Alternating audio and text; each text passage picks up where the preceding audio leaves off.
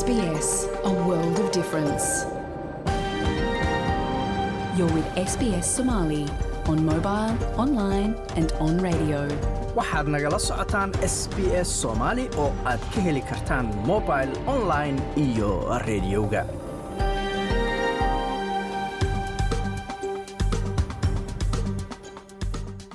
habeen wanaagsan dhammaantiinba meel kastoo aad joogtaan waa habeen jimcaha bisha janaayana ay tahay sagaal iyo toban sannadka labada kun iyo labaatan iyo afarta. Halkaad naga dhegaysanaysaanna waa laanta af soomaaliga ee idaacadda s b s oo si toosa idinkaga imanayso stuudiogaannu ku leenahay magaalada melbourne.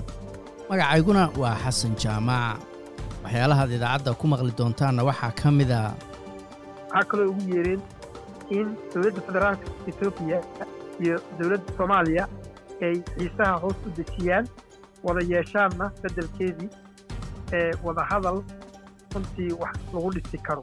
Kulan ay dalka yugandha ku yeesheen ururka igad ayaa laga soo saaray arrimaha khuseeya khilaafka u dhexeeya etoobiya iyo soomaaliya. Waraysi ayaad ku maqli doontaan. Waxa ay heshiisyo u geli kartaa si waafaqsan dastuurka jamhuuriyadda somalilan qodobkiisa labiyo tobnaad farqadiisa saddexaad iyo si waafaqsan shuruudaha caalamigaaba dhanka kalena somalilan ayaa weli ku adkaysanaysa inay xaq u leedahay inay heshiis la gasho dalal kale. Marka horese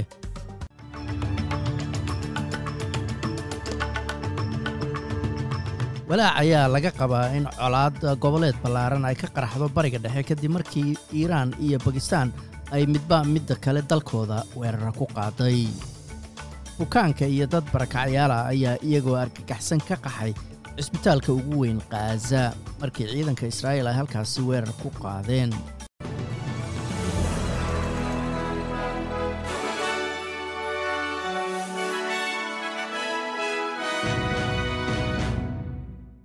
Waxaa jira cabsi laga qabo colaad ballaaran inay ka dhacdo bariga dhexe kadib markii bakistaan ay weerar argosiya ku qaaday iiraan. Laba maalmood kadib markii ay iiraan duqaysay saldhigyo kooxi ay ku lahayd bakistaan gudaheeda.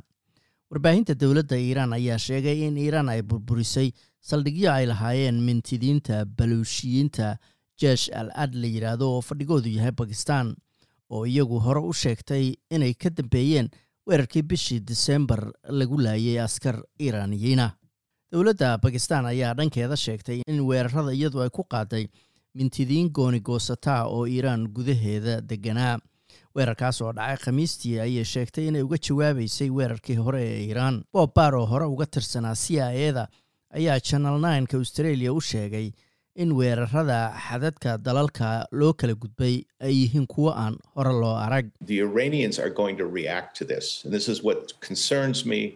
Iiraaniyiintu waa ka jawaabayaan tan taas ayaana ka walaacsanahay ciisadu way sii kacaysaa iiraan ayaa markii hore weerartay Clearly, bakistaan uh, kadib weerarkii lagu qaaday xuskii suleymaani laba toddobaad ka hor. waxaa cad in iiraan ay aaminsan tahay in dadka qaraxyadaasi ka geystay xuskii suleymaani ay ahaayeen sunniyiinta baluushiyiinta la yidhaahdo oo baakistaan ka yimid. Halkaas ayayna arrintu maraysaa. Haddii aad aaminaysa iyo haddii kaleba iiraan xiisad qowmiyadaha u dhaxaysa ayaa ka taagan. Waana sababtaas tay arrintan hadda uga jawaabaysa ayuu yidhi maraykanka ayaa dhankiisa ku boorinaya in labada dhinacba ay markaasi isxakameeyaan waa bakistaan iyo iiraane oo aysan xaaladda uga sii darin bukaankii iyo dad barakacyaalaha ayaa iyagoo argagaxsan ka qaxay cisbitaalka ugu weyn khaza kadib markii ciidanka israa'iil ay weerareen meel ku dhow cisbitaalka la yidhaahdo naasir dagaalka ugu weyn sannadkan ayaa ka socda khan yunis oo ah magaalo ay ku sugan yihiin kumanaan qof oo horay dagaaladii hore ee dhanka waqooyi uga soo cararay. Milatariga israa'iil ayaa sheegay in guutada khan yunis oo dhanka koofureed howlgallo ka wada ay dileen argagixiso badan kadib dagaal gacanta la isula tegey iyagoo sidoo kale ciidanka israa'iil ay taageero ka helayaan taangiyo iyo dayuurado. Mid ka mid a falastiiniyiinta goobjoogga halkaasi ka ahaa jaheed ayaa sheegaya in weerarada aan kala go'a lahayn ay xataa soo qodeen buu yidhi qabuuro oo waqti dheer halkaasi ku aasnaa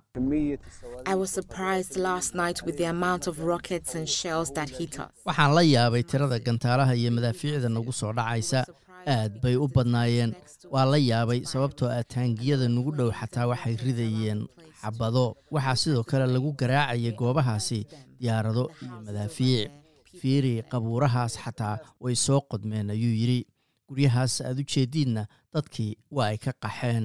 Ra'iisul wasaaraha dalkan australia antony albanise ayaa sheegay in dowladdiisu ay ballan qaadayso inay ka dhabayn doonto heerkii saddexaad ee canshuur jaridda halkaas oo shaqaalaha la filayo in laga dhimo canshuuraha ay dakhliga ka bixiyaan marka la gaaro julaay bisha julaay kowdeeda tan ayaa imanaysa iyadoo dhaqaaleyahanadu arrintaasi ay ka digayeen iyagoo sheegay inay dhici karto inay saamayso sicir bararka. Sidoo kale waxaa soo baxaya baaqiyo ka imaanaya xisbiga greenka oo isagu doonayay in gebi ahaanba canshuur dhinkaasi laga takhalluso oo gebi ahaanba aan la samayn. Fatahaadaha ayaa weli waxay ka sii socdaan qaybo ka mida gobolka northern territory iyadoo boqol qof haddaba laga daadgureeyey goobihii ay degganaayeen ku dhowaad afartan qof oo deganaa goobta la yidhaahdo bitching hall oo ah meel ay degan yihiin dad aboriginala ayaa halkaasi laga daadgureeyey oo meel kale la geeyey halka konton kale sidoo kale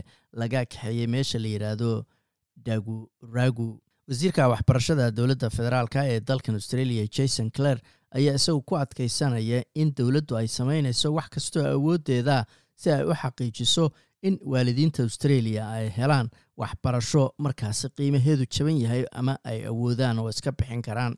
Tan ayaa imanaysa kadib markii ay soo baxday warbixin cusub oo lagu sheegay in saddex meelood meel waalidka dalkan australia aysan bixin karin waxyaalaha caruurtooda iskuulka ay ugu baahan yihiin sida qalimaanta waraaqaha iyo buugaagta iyo weliba yuniformka ama dareyska iskuulka loo qaato maandooriye qiimihiisu gaaraya ku dhowaad boqol iyo soddon milyan oo dollar ayay boolisku qabteen kadib markay beegsadeen koox burcada oo tuuga oo caalami ah.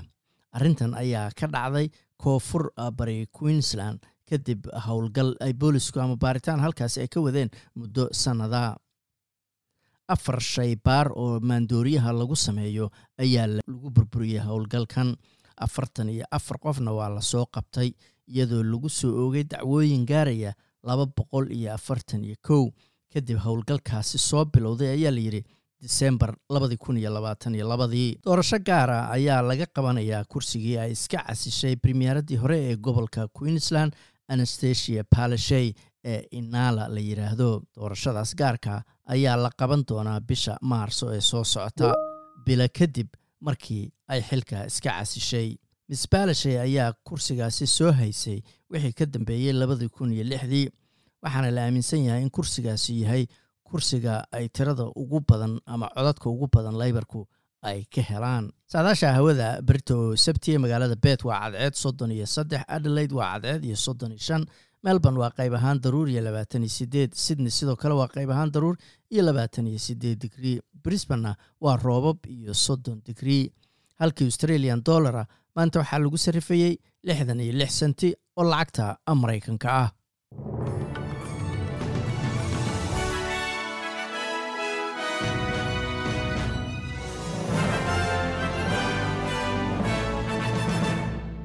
Halkaad weli nagala socotaan waa laanta af soomaaliga ah ee idaacadda s b s. Weli waxaa noo soo socdaa waraysi ku aadan shir dalalka igad ay ku yeesheen dalka uganda oo looga hadlay khilaafka etoobiya iyo soomaaliya marka horese isla khilaafkaas warbixintan waxaa nooga soo diray waryahayaga magaalada muqdisho xilli weli ay jirto xiisaddii ka dhalatay heshiiskii is-afgarad ee ethoobiya iyo somalilan taasoo si weyn uga hortimid dowladda federaalk ee soomaaliya. Ayaa golaha xukuumadda somalilan oo yeeshay kala fadhigoodii boqoliyo saddexaad waxa ay eedeyn u jeediyeen dowladda soomaaliya oo ay sheegeen in soomaaliya ay ka baxday dhammaanba heshiisyadii ay horey u wada gaareen oo ay ka mid tahay heshiiskii maamulidda hawada. Qaraar ka soo baxay shirka oo warbaahinta u akhriyey wasiirka wasaaradda warfaafinta xukuumadda somalilan cali xasan maxamed cali mareexaan. Ayaa ugu horreyntii waxaa lagu sheegay in somalilan oo ka duulaysa madax bannaanideedii dastuurkeeda u oggolaanayo inay heshiisyo la gasho hay'ado caalami ah iyo dalalka kale sida horey u dhacday. Jamhuuriyadda somalilan iyadoo ka duulaysa madax bannaanideeda dhuleed badeed iyo cireed waxa ay heshiisyo u geli kartaa si waafaqsan dastuurka jamhuuriyadda somalilan qodobkiisa labiyo tobnaad farqadiisa saddexaad iyo si waafaqsan shuruudaha caalamigaaba iyo xeerarka caalamiga. Somalilan horena waxay heshiisya ula gashay hay'ado caalamiya iyo waddamo badan oo ay ka mid tahay soomaaliya. Laba sida uu dhigayo dastuurka jamhuuriyadda somalilan qodobkiisa tobnaad farqadiisa afraad. Jamhuuriyadda somalilan waxay ku dadaalaysaa in colaaddii raagtay ee dalalka geeska afrika dhex oo la jirtay lagu bedelo is-afgarad iyo isku soo dhowaansho dhinaca kale waxa uu sheegay in heshiiska ethoobiya iyo somalilan aanu ahayn mid bad lagu siinayo ethoobiya laakiin uu yahay sida uu yidhi kiro sharciga waafaqsan oo muddo cayiman ah islamarkaana ay ethoobiya aqoonsanayso madax bannaanida somalilan taasoo la mid ah heshiisyada ay galaan dalalka geeska afrika sida eritrea jabuuti kenya iyo soomaaliya saddex oggolaanshaha iyo kiraynta saldhigyada ciidamada ee badeed. Ma aha mid ku cusub dalalka geeska africa ee waxaa leh waddamada eritrea jabuuti somalilan kenya iyo soomaaliya. Heshiisyada ay jamhuuriyadda somalilan gashay ama ay gelaysaana kuwaas waxba kagama duwana afar. Sida ku cad heshiisii heshiiskiis afgarad ee kowdii bishii koowaad laba kun iyo afar iyo labaatan ay kala saxeixdeen labada dowladood jamhuuriyadda somalilan iyo jamhuuriyadda federaalka etoobiya waxa ay somalilan kiraysay ama kiraynaysaa saldhig ciidan naval base. Iyada oo etoobiyana ay aqoonsanayso jamhuuriyadda somalilan saldhiggaasi ciidan maaha siin iyo iib midna. Sida ay brobagandhaha ku baahinayaan dadka somalilan jiritaankeeda iyo nabadgelyadeeda ka soo hor jeeda ee waa kiro muddo cayiman oo waafaqsan habraaca heshiisyada caalamiga ah ee saldhigyada ciidamada heshiiskaas oo marka si rasmiya loo kala saxeexdo la marin doono golayaasha sharci dejinta ee jamhuuriyadda somalilan. Jamhuuriyadda somalilan muddadii ay jirtay waxa ay xasilisay ammaanka gudaha dalkeeda ee badda cirka iyo berrigaba. Sidoo kale waxa ay qayb ka qaadatay sugidda ammaanka gobolka oo dhan gaar ahaan dalalka jaarka ah dhanka kale waxa ay somalilan ku eedeysay dowladda federaalk ee soomaaliya inay ka baxday si heshiisyo dhowr ah oo ay beesha caalamku markhaati ka ahayd gaar ahaan heshiiskii hawada iyo kuwo kale. Xukuumadda somalilan waxay beesha caalamka ku wargelinaysaa inay dowladda soomaaliya ay ka baxday dhammaan heshiisyadii ay la gashay somalilan kuwaasoo ay ka mid ahaayeen in la iska kaashado wixii nabadgelyada waxyeelaya lagana fogaado hadallada abuuri kara nac iyo kala fogaan. Isla markaana heshiisyada ay ka mid ahaayeen hawada in la wada maamulo airsbaceka heshiisyadaas iyo kuwo kale oo badan oo beesha caalamku marag iyo markhaati ka ahayd dowladda soomaaliya waxay uga baxday si badheedha haddaba marka la dhegaysto doodaha iyo muranka soomaaliya ay kaga soo hor jeedaan saldhigga badda etoobiya waxay ku doodayaan inay iyagu xaq u leeyihiin isla markaana ay doonayaan inay iyagu galaan heshiiska. Sidii ay kuwa horeba u galeen ee soomaaliya ay ula galeen soomaaliya ay ugu galeen. Mana diidan heshiiska laftiisa. Laakiin waxay diidan yihiin in jamhuuriyadda somalilan ay heshiis kaa gasho. Taasina mid ma aha mid ay shacabka jamhuuriyadda somalilan iyo dadkeeduba ay aqbalayaan. Koob iyo toban dowladda soomaaliya.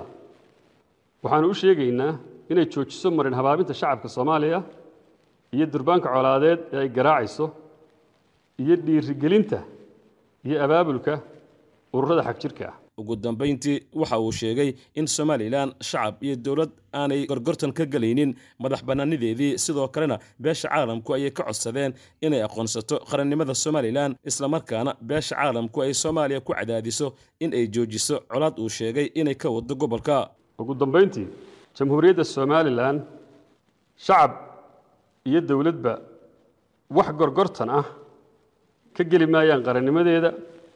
Sidoo kale waxaa qarannimada jamhuuriyadda somalilan shacab iyo dowladba ay diyaar u yihiin inay naf iyo maalba u huraan madax bannaanideeda dhuleed badeed iyo cireedba xukuumadda jamhuuriyadda somalilan waxay dalalka caalamka ugu baaqaysaa inay aqoonsadaan qarannimada jamhuuriyadda somalilan aqoonsigaas oo guul istaraatiijiyadeed iyo mid nabadgelyaba u keenaya guud ahaan caalamka gaar ahaanna gobolka geeska africa jamhuuriyadda somalilan waxay beesha caalamka ka codsanaysaa inay gacan ku siiyaan adkaynta nabadgelyada iyo xasilloonida jamhuuriyadda somalilan. Taasi oo haddii ay wiiqanto saamayn ku yeelanaysa mandaqadda geeska africa iyo gobolka dhammaantiiba waxaanay beesha caalamka ugu baaqaysaa jamhuuriyadda somalilan inay dowladda soomaaliya ku cadaadiyaan inay joojiso colaadaha ay ka aloosayso geeska africa oo markii horeba dhibaatooyin iyo colaado la ciirciirayay dowladda soomaaliya ayaa dhankeedii aad uga soo horjeesatay heshiiska somalilan iyo ethoobiya iyadoo u aragta mid xadgudub ku ah madax bannaanida jamhuuriyadda soomaaliya waxaana xusid mudan in labadii maalin ee la soo dhaafay dowladda soomaaliya ay hawada dib uga celisay diyaarado u socday magaalada hargeysa ee xarunta somalilan gaar ahaan diyaaradda ethoobiya airways oo laga leeyahay dalka ethoobiya dhinaca kale waxaa magaalada kambaala ee xarunta dalka uganda lagu soo gebagabeeyey shir madaxeedkii urur goboleedka igaad kaasi oo laga soo saaray warmurtiyeed lagu taageeray soomaaliya shir madaxeedkan oo ahaa midkii labi afartanaad ee urur goboleedka igaad uuna shir guddoominayey madaxweynaha dowladda dalka jabuuti ismaaciil cumar geele ayaa waxaa ka qayb galay inta badan madaxda ururkaasi oo uu ku jiro madaxweynaha soomaaliya xasan sheekh maxamuud. Waxaase maqnayd dowladda ethoobiya iyadoo laga soo saaray dhowr qodob oo xasaasi ahaa oo ay ugu muhiimsanayd in madaxda igaad ay isku raaceen in ay lama taabtaan ay tahay madax bannaanida dhuleed ee jamhuuriyadda federaalk ee soomaaliya iyo in madaxda ay soo jeediyeen heshiis walba oo soomaaliya lala gelayo ay waajib tahay in ay saxiixdo dowladda federaalk ee soomaaliya iyo qodobo kale. Halkaad weli nagala socotaan waa laanta af soomaaliga ee idaacadda s b s. Weli waxaa noo soo socda mid ka mid a warbixinaheenii australia explained. Marka horese weli waxaa socda muranka ka dhashay m o u da ay kala saxiixdeen etoobiya iyo somalilan maxamed xasan dable waa aqoon-yahan fadhigiisu yahay dalka u k gaar ahaan magaalada lester maxamed shirka u dambeeyo igad ay ku yeelatay kambala qodobo badan baa ka soo baxay. Maxaa kaaga baxay adiga? Maxaase kuugu muhiimsanaa? Runtii waa sidaa sheegtay qodobada qaar soomaaliya etoobiya xiisadda ka dhex taagan calaaqaadkooda kadib markii ay ethoobiya la saxiixatay is-afgarad lagu sheegay somalilan taasoo aad iyo aad uga cariistay soomaaliya iyo dagaalka ka taagan sudan oo mataqaanaa ay ka muujiyeen walaac iyo dareen aad u weyn uguna baaqeen in ay dhinacyada ishayo ay nabad ay wada hadal yeeshaan gorgortamaadna iyagadna ay diyaar u tahay in ay fududayso wadaxaajuudyadaas markaynu u soo noqonno soomaaliya runtii qodobo aad u xoog badan oo arrinta ka dhexaysa ethoobiya iyo soomaaliya ayaa lagu soo qaatay sida masalan in ay xaqiijiyeen in mabaadi'da ay yani ud yaalla maxay aheeday igad ee ah in la ixtiraamo siyaadada qaran midnimada iyo sharafta dhuleed ama karaamada dhuleed ee dowladda soomaaliya ay tahayna in wixii macaamil ah ama tacaamul ah ee lala yeelanayo lagu tiiriyo ama lagu dhiso maxay ahaday mabaadi'daas in wax alla wixii heshiis ah ama is-afgarad oo kale ay mataqaanaa noqdaan kuwa laga haysta raalli ahaanshaha dowladda soomaaliya. Waxaa kaloo ugu yeereen in dowladda federaalka ethoobiya iyo dowladda soomaaliya ay xiisaha hoos u dejiyaan wada yeeshaanna beddelkeedii wada hadal runtii wax lagu dhisi karo. Iyo in mataha labadaasa ugu muhiimsanaa soomaaliya ay khuseeyey etoobiya marka waxaan u arkaa in arrinkan ay runtii diblomaasiyad ahaan ay dowladahaasi meesha iskugu yimid oo macnaha caddaynayaan inay aqoonsan yihiin madax bannaanida cireed dhuleed badeed iyo midnimada soomaaliya. Taasaa qodobka ugu muhiimsana danna u ah soomaaliya. Waa gartay. Marka maxamedow dabcan dowladda etoobiya ra'isul wasaare abi kama soo qaybgelin shirkan. Taas maxay ka dhigan tahay? Haddiise uu ka soo qaybgeli lahaa qoralladan ama communikega hadda ka soo baxay maxaa iska bedeli lahaa? Runtii kolley wax weyn baa iska bedeli lahaa. Waxaa laga yaabi lahaa in mataqaanaa ay mabda ahaan yani madaxweynaha soomaaliya iyo madaxweynaha etoobiya ay arrinkaasi intay ka hadlaan loo qoro mataqaanaa madaxda labada dal. Waxaa weeye wada hadal in ay yeelan doonaan wax taas oo kalea ka soo bixi kari laha hadduu imaan lahaa oo af diblomaasiyadeeda ma aha markii ugu horreysay oo qoraal ka soo baxa urur caalamiya ama dal ay ku xaqiijiyaan madax bannaanida cireed iyo dhuleed ee soomaaliya arrimahaas maxay ka bedeli karaan go'aanka abi mise weli wood ku adkaysanaya? Maxayse etoobiya ka leedahay? Arrimahan iska soo daba dhacayo oo lagu taageerayo soomaaliya? Etoobiya waxay si bareer ah ayay u qaadatay mowqif colaadeed mowqif mataqaanay damaceedii ahaa in ay hesho badda dhulka soomaaliya in ay mataqaanay ay ku adkaysato hadalladii ka soo yeeraya mas'uuliyiinta kala duwanaa ee etoobiya iyo maalinba maalinta ka dambaysa tillaabada dowladda etoobiya ay ku dhaqaaqayso madax bannaanida soomaaliya wax u dhimayso way sii xoogeysanayaan inkiraada ah in shirkan uu imaado ama macno u yeelana adiye.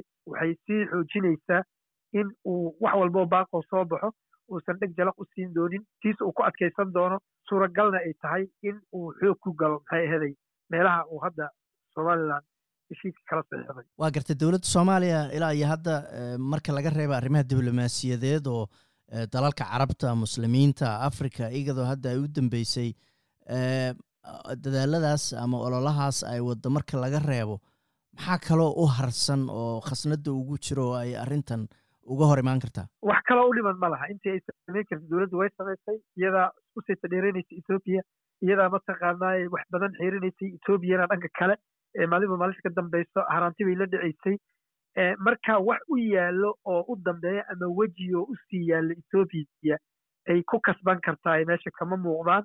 Aan ka ahayn in ay go'aan raganimo dowladda qaadato oo adag casiimo leh oo xiriirka u jarta etoobiya intaa unbaa u dhiman.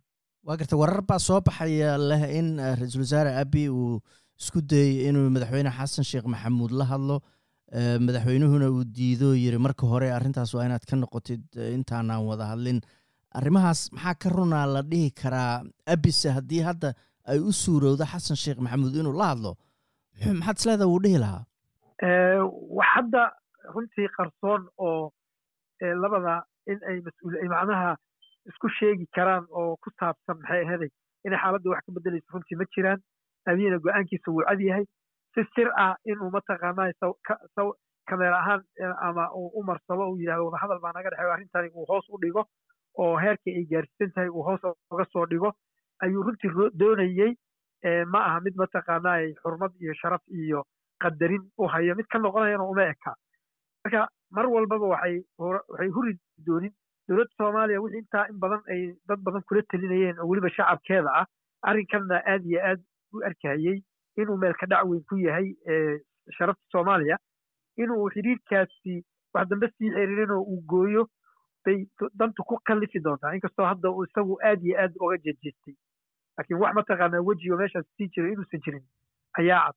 Kale xasanow waxaa jirtaa in mataqaanaa marka arrin halis ah sida jiritaanka oo kale dowladuhu ay runtii ka xigaan muxuu ahaayey dhimasho iyo inay iska daafacaan arrinkan yacni caalamka ka wada hadlaan soomaaliya iyo unbuu taagan yahay ilaa soomaaliya ay xiriirka u jarayso etoobiya markaasi ayaa la dareemi karaa ama ay soo bixi doonaan kuwa etoobiya gardarrada ku taageeraya iyo kuwa soomaaliya saaxiibada la ee soomaaliya difaaci doona. Markaas soo bixi doona. Laakiin iyada oo soomaaliya aynan go'aankaa qaadanin way adkaanaysaa dadaalkan diblomaasiyadeed ee soomaaliya lagu garab istaagi lahaa hil weyn ay ku heli lahayd inuu macno weyn sameeyo waa gartay marka maxamedow dabcan xiriirka weli looma jarin laakiin ciidamo badan oo etoobiyaan oo weliba qaarkood admis aan ka tirsanayn baa dalka jooga.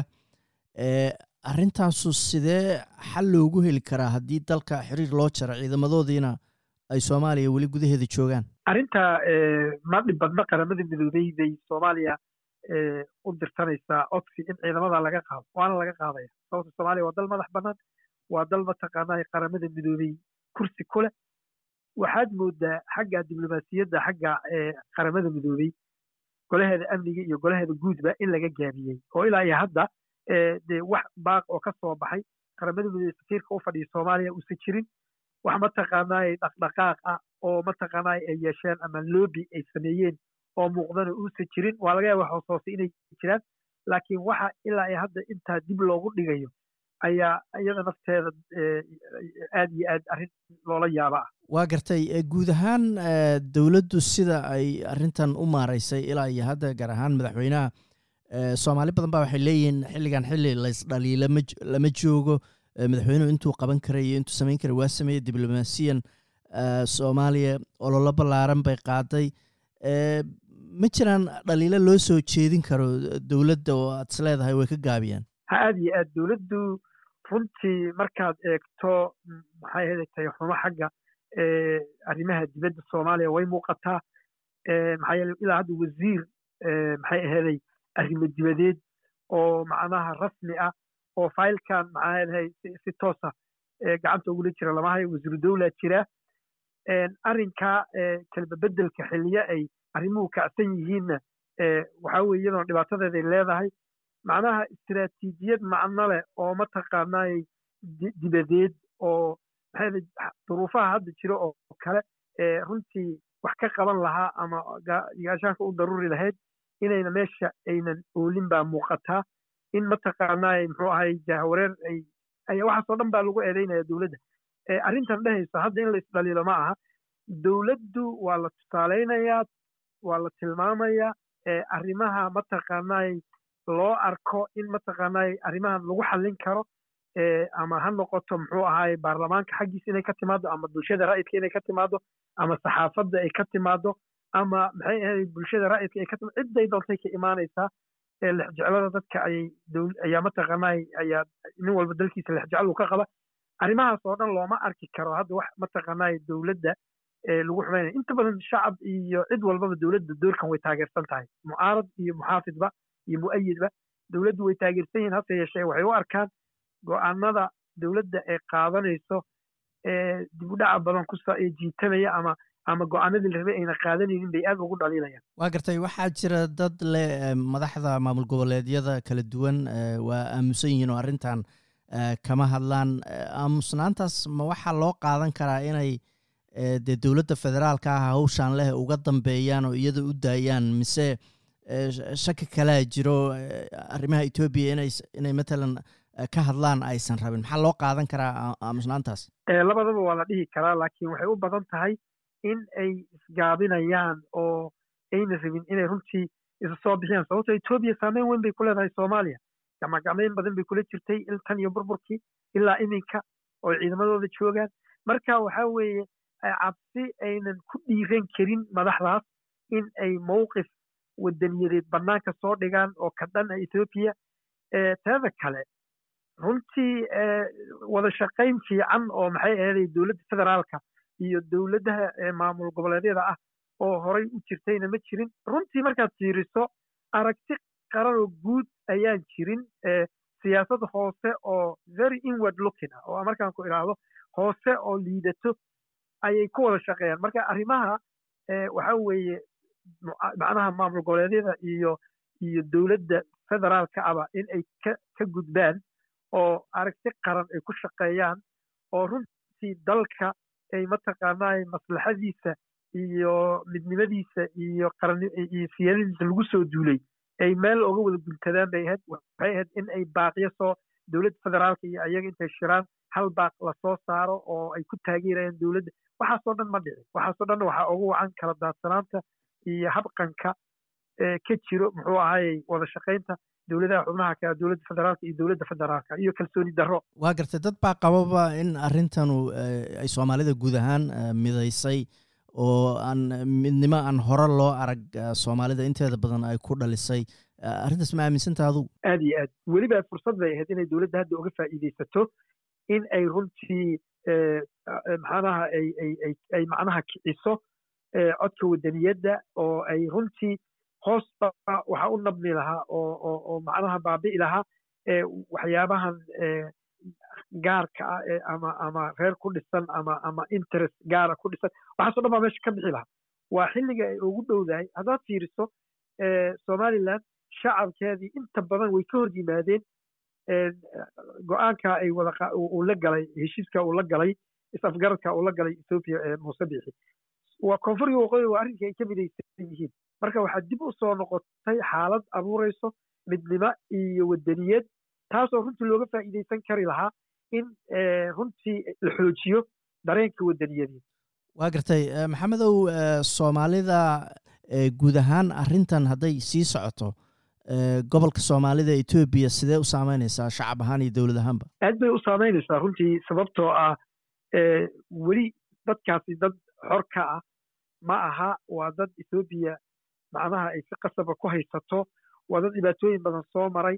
Haddana waa bavazon oo dhinaca waxay mataqaanaa ooga tahay aag amni bay u tahay ethoobiya waana waxay gumaystahay berigii hore xagga ay u raaciyeen oo maxaa inay ugu talagaleen in mataqaanaa ay ethoobiya dhulkeeda kale uu ku nabad galo. Haddii dhibaato dhiciso soomaali dhexdeeda ay noqoto wixii lagu dagaalamo. Arrimahaas ayuu u yahay marka la yidhahdo xagga horumarinta dadkaasi waa la gacan bidxiyaa marka ay noqoto midda kale dee dad madax bannaan oo hadda go'aan iyaga qaadan karana ma aha. Marka la yaab ma laha in madaxweynaha deegaankaasi uu taageero go'aanka ethoobiya sababto afarac buu ka yahay xorna ma aha laakiin haddii ay dhibaato timaado dee saameyn weyn bay ku yeelanaysaa. Waa gartay arrimaha aad ayaamahan loo hadalhayay waxaa ka mid ahaa diyaarado labaahoo la sheegay in laga celiyey inay hargeyso ka degaan.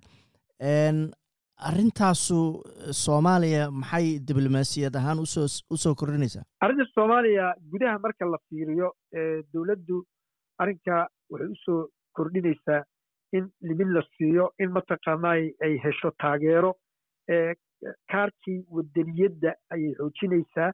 Marka dowladdu waxay noqonaysaa mid ay dadka kasbato runtii bay noqonaysaa.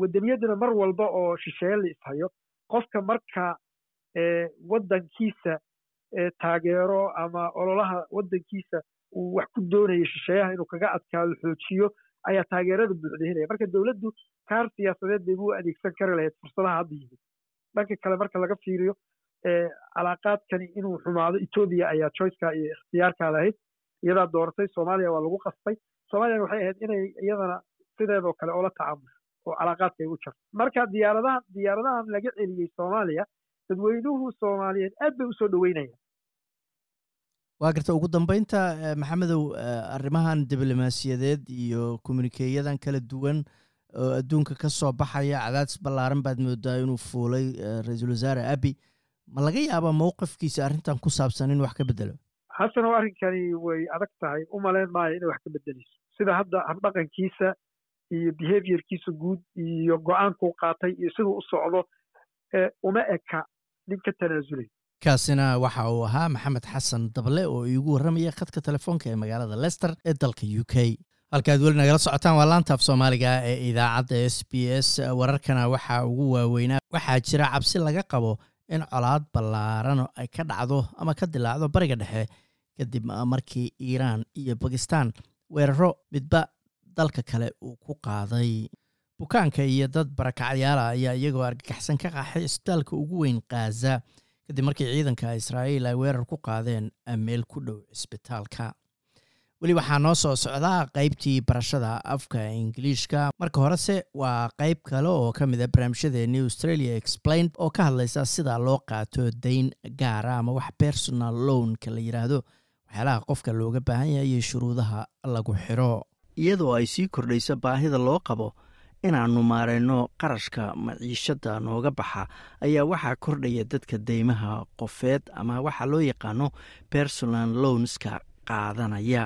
Hase yeeshee ka hor inta aadan gelin heshiis deymeed waxaa jira dhowr qodob oo ay tahay inaad si fiican uga fiirsato. Daynta shakhsiyadeed ama personal lownka waxay kuu oggolaanaysaa inaad deymato lacag oo aad dib u bixiso dulsaarna la saaro wakhtiga aad ku bixinaysana ay cayiman tahay. Dadka intooda badan waxay caadiyan u qaataan deymaha shakhsiyadeed inay ku dabaraan arrimo gaara sida andrew datswell oo adsig ka tirsan uu sharaxayo. Adsig waa hay'adda dusha ka maamusha hay'adaha maaliyadda ee dalkan australia.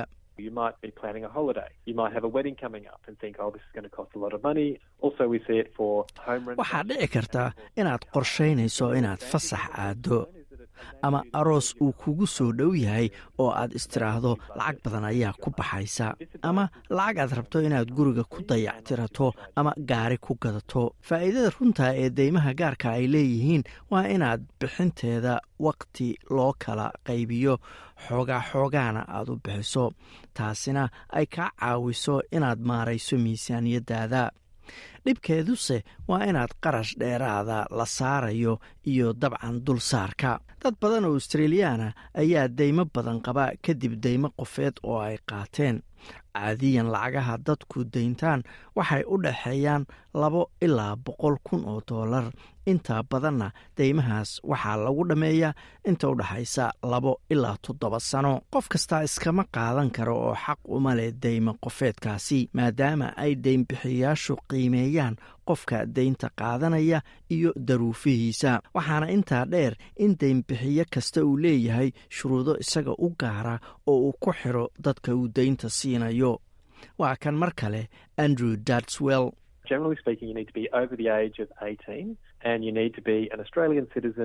guud ahaan marka loo hadlayo waa inaad siddeed iyo toban sano ka weyn tahay waa inaad muwaadin australiyana tahay ama deganaansho joogtaa leedahay.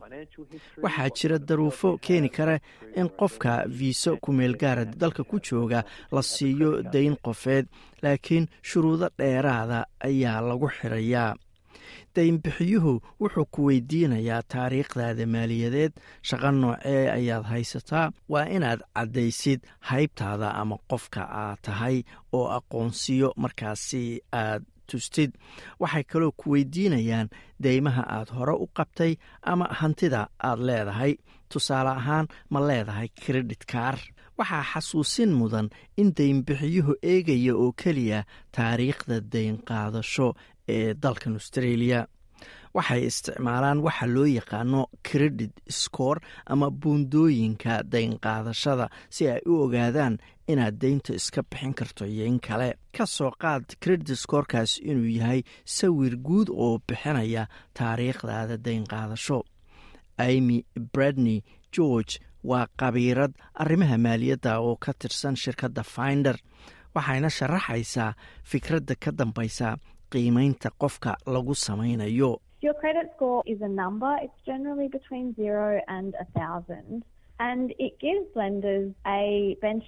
buundooyinkaaga dayntu waa tiro. caadiyan waxay tiradaas u dhaxaysaa eber ilaa kun waxayna siinaysaa daynbixiyaha halbeeg uu ku cabirayo awoodda aad u leedahay inaad dayntaasi si mas'uuliyad ku jirto u maarayn karta iyon kale. Waxay eegayaan dhibcaha daynqaadasho si ay u go'aamiyaan dulsaarka ay saarayaan daynta aad qaadanayso. Marka haddii dhibcahaagu ay aad u hooseeyaan macnaheedu waa in daynbixiyuhu khatar badan qaadanayo. Sidaas darteed dulsaar badan ayuu dayntaada saarayaa. Buundada daynqaadasho ama credit skorka waxaa saamayn kara haddii aad hore ula daahday ama aad bixin weyday deymo hore aad u qaadatay ama credit kaar lacaga lagugu lahaa inkasta oo ay dhici karto in qofku isku dayo inuu daynbixiyaal kala duwan hal mar daymo ka codsado taasi runtii waxay yarayn kartaa buundooyinkaaga daynqaadasho maadaama loo arki karo in qalalaase dhaqaala uu ku haysto. Ka hor inta aadan codsan dayn baar oo wax ka ogow daynbixiyaha sida dulsaarka deymaha uu bixiyo qarashaadka kale ee la socda deymahaasi sida uu ku talinayo andrew datswell. Sidoo kale si fiican uga fiirsa ayaa la leeyahay shuruudaha heshiiska deymeed ee aad gelayso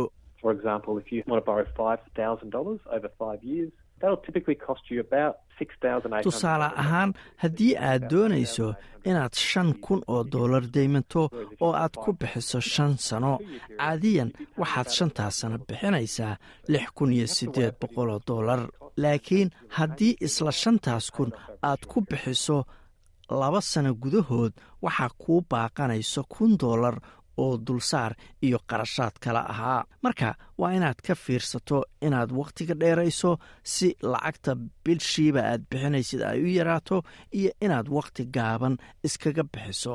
Waxaa kaa caawin kara website-ka money smarti oo leh meel aad ku xisaabin karto. Inta aad bixinayso hadba wakhtiga aad doorato. Adoo gelinaya dulsaarka dayntu inta ay tahay iyo wakhtiga loo qabtay. Hay'adaha maaliyadda sida bangiyada waaweyn iyo kuwa dadweynuhu leeyihiin ayaa bixiyo deymo qofeed oo hadba lagu jaangoynayo baahidaada. Paul farmer wuxuu ka tirsan yahay deynbixiyaha heritage and peoples choice These financial institutions generally will offer more competitive interest rates. Hay'adahan maaliyadeed caadiyan waxay bixiyaan deymo leh dulsaar la tartami kara hay'adaha kale bangiyada waaweyn iyo kuwa bulshadu leeyihiin waxaa xira oo ay ku khasban yihiin inay raacaan shuruucda waajibaadka deynbixinta oo lagu xaqiijinayo in qofka deynta qaadanaya uu yahay qof deynta iska bixin kara. Waxaa sidoo kale jira deynbixiyaal aan bangiyo ahayn oo iyaguna bixiya deyn qofeed. Inta badan shuruudahoodu waa ay ka khafiifsan yihiin kuwa bangiyada laakiin waa inaad filato in dulsaarkoodu uu ka badan yahay ama ka sarreeyo iyo weliba qarashaadka kale ee ay markaasi kaa qaadayaan. Waxaa jira laba nooc oo deyma qofeed ah oo ay tahay inaad ogaato mid sugan iyo mid aan sugnayn. Daynta sugan ama secured loan waxaa loo isticmaalaa in lagu iibsado shay hanti weyna sida gaari. Waa kan mar kale paul farmer.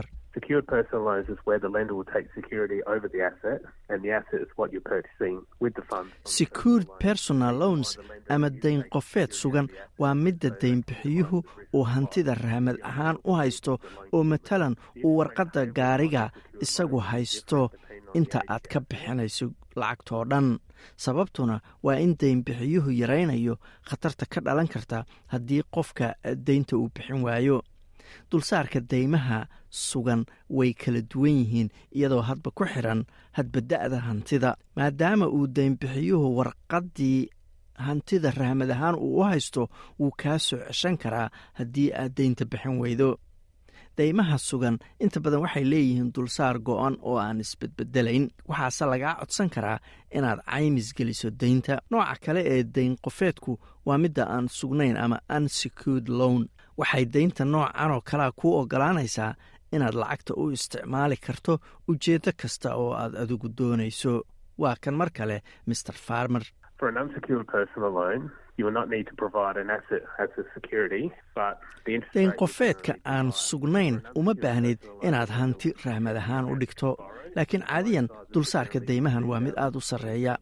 Sidoo kalena deymaha noocaana deynbixiyuhu wuxuu xadidaa inta ama cadadda qofku uu deyman karo oo inta badan waxay u dhexeeyaan labo ilaa labaatan kun oo dollar haddii aad ku kalsoon tahay inaad buuxin karto dhammaan shuruudaha aadna maarayn karto deynta waxaad caadiyan ka dalban kartaa deynbixiyaha aad rabto online adoo dukumentiyada lagaa rabana ugu diraya online-ka. Hase yeeshee waa iska caadi in codsiga deynta la diido sida ay sheegtay miss bradney george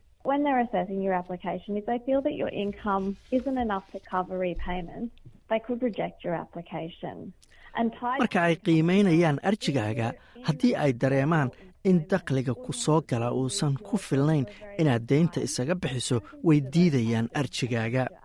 Tan kale oo sidoo kale dakhligaaga raacsan waa haddii shaqada aad haysato aysan ahayn mid la isku hallayn karo ama xataa haddii shaqada aadan wakhti dheer joogin arrimahaas oo dhan ayay arjigaaga ku eegayaan ayay tiri. Haddii aad wakhtigii lagaa rabay daynta ku bixin weydo caadiyan qarashaad dheeraada ayaa ku fuulaya haddii aad gasho xaalad adag waa laga maarmaan inaad daynbixiyaha kala xaajooto xaaladda adag ee ku soo wajahday waxaa dhici karta in shuruudaha daynta wax laga bedelo andrew datswell oo ka tirsan website-ka money smart ayaa ku dhiirigelinaya qof kasta oo dhibaato maaliyadeed ku jira inuu la xiriiro la taliye maaliyadeed. Ama waxa loo yaqaano financial counselor Financial counsellors are free and you can access them via the National Debt Helpline on 1800 007. la taliyayaasha maaliyaddu waa lacag la'aan oo lacag kaa qaadan mayaan. Waxaadna ka heli kartaa lambarka national debt helpline oo ah hal sideed eber eber eber eber toddobo eber eber toddobo. Haddii aadan af ingiliis ku hadli karinna ama uu yahay afkaaga labaad waxaad isticmaali kartaa hay'adda turjubaanada oo dowladda laftigeedu ay maalgeliso waxayna kuula hadlayaan hay'addan national debt hotline-ka ah. Mar kasta oo aad arrimo lacageed samaynayso mar kasta waa inaad iska ilaaliso burcadda dadka dhaca iyo kuwa qalin shubatada ee online-ka dadka ku dhaca. Website-ka money smart ayaa sidoo kale kaa caawin kara sidii aad ku aqoonsan lahayd burcaddaasi. Sidoo kalena wixii aad samayn lahayd haddii aad dareento in ay markaasi adiga ku beegsanayaan It's very important that if you're getting contacted about a personal loan, to check the credentials of the company or the person you're dealing with. waa mid aad muhiim u ah in haddii lagula soo xiriiro oo lagaala hadlo dayn qofeed in lagu siinayo inaad iska hubiso shirkadda ama qofka aad la xaalayso ama la hadlayso. Markiiba waxba ha ka ogolaan mar kasta taxadar mar kasta baaritaan samee. Haddii shaki ku galana caawimaad raadso oo qof weydii. Website-ka money smart gov au waa website ay dowladda federaalka ku caawinayso shacabka australia. Weli waxaad nagala socotaan waa laanta af soomaaliga ee idaacadda s b s. Haddana waa qeyb kale oo ka mid ah barnaamijyadeenii len english ama barashada afka ingiriiska. Learning English makes it easier to travel. Hello, you are listening to the SBS Learn English podcast, where we help Australians to speak, understand, and connect through English. My name is Josipa, and like you, I'm learning the English language. And this week, we are going to practice some useful phrases you can use when picking up and dropping off a rental.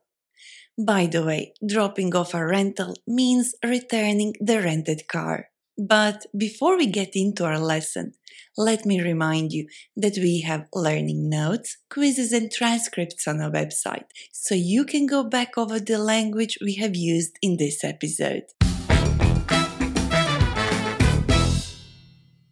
Australia is a beautiful country with different landscapes to explore, and I often get itchy feet.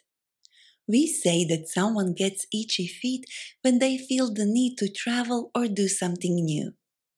If, like me, you rent a car when you want to explore, you might find the following conversation very useful. Today, Alan is working as a receptionist at a car rental, and Marianne is his customer. Hi, I booked online and I'm here to pick up my rental.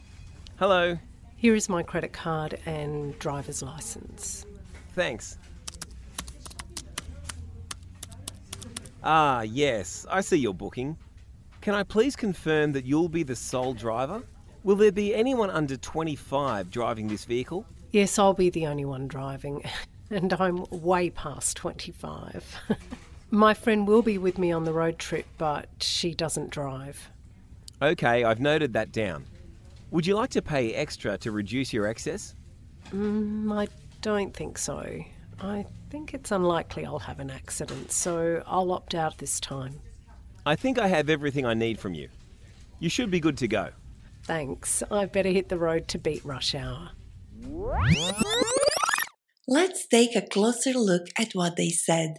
First, we have Marianne. Hi, I booked online and I'm here to pick up my rental. Here, rental refers to a rental car.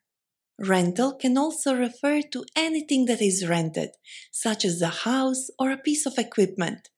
For example, someone renting a house can say, This isn't my house, it's a rental. Alan then said, Can I please confirm that you'll be the sole driver? Will there be anyone under 25 driving this vehicle? Alan confirms with Marianne if she is the sole driver or the only driver of the rental. He also asks about the age of any other drivers. The reason why Alan is confirming whether there are other drivers and if they are under 25 is because car rental companies will typically add on a daily surcharge or extra fee if anyone driving the car is younger than 25 years old. Alan then asked Marianne, Would you like to pay extra to reduce your excess? The excess is the amount you need to pay the rental company if your hire car becomes damaged or stolen. Choosing to pay for this excess insurance means that if you have an accident, you won't need to pay so much to repair the damage. But this extra cost means that renting a vehicle is more expensive. Marian then said, I think it's unlikely I'll have an accident, so I'll opt out this time. To opt out means to choose not to participate in something, while to opt in means the opposite. You can say that you are opting out of something or opting into something that someone is inviting you to do. Alan then said, I think I have everything I need from you. You should be good to go. Being good to go means that a person or even a thing is ready, usually ready to go. For example, my bags are packed, I'm good to go. Or, I've looked over this report at least five times, this should be good to go. At the end, we heard Marianne. Thanks, I better hit the road to beat rush hour. To hit the road means to start a journey. For example, it's getting late, I must hit the road. Rush hour is short for rush hour traffic. This occurs when a lot of cars are on the road, typically before the beginning or end of a workday. To beat the rush hour means to avoid it. weli waxaadna nagala socotaan waa laanta af soomaaliga ee idaacadda s b s waxaanu soo gaarnay gebagabadii idaacaddeenii caawa wararkana waxaa ugu waaweynaa walaac ballaaran oo laga qabo in colaaddu ay ku fido gobolka bariga dhexe kadib markii bakistan iyo iiraan weeraro ay isku qaadeen bukaanka iyo dadka barakacayaasha ayaa iyagoo argagaxsan ka qaxay baa layidhi ama ka cararay cisbitaalka ugu weyn khaza kadib markii ciidanka israa'iil ay weerar ku qaadeen meel ku dhow cisbitaalka ra'iisul wasaare antony albanisina waxa uu sheegay in dowladdiisu ay ballan qaadayso inay fulinayso canshuur jaridda heerkii saddexaad taasoo macnaheedu noqonayo in shaqaalaha markaasi laga dhimi doono canshuuraha lacagahooda dakhliga ka bixiyaan marka la gaaro bisha julaay kowdeeda fatahaadaha ayaa weli ka sii socda gobolka northern territory iyadoo boqol qof dad ku dhow laga daadgureeyey goobtii ay deganaayeen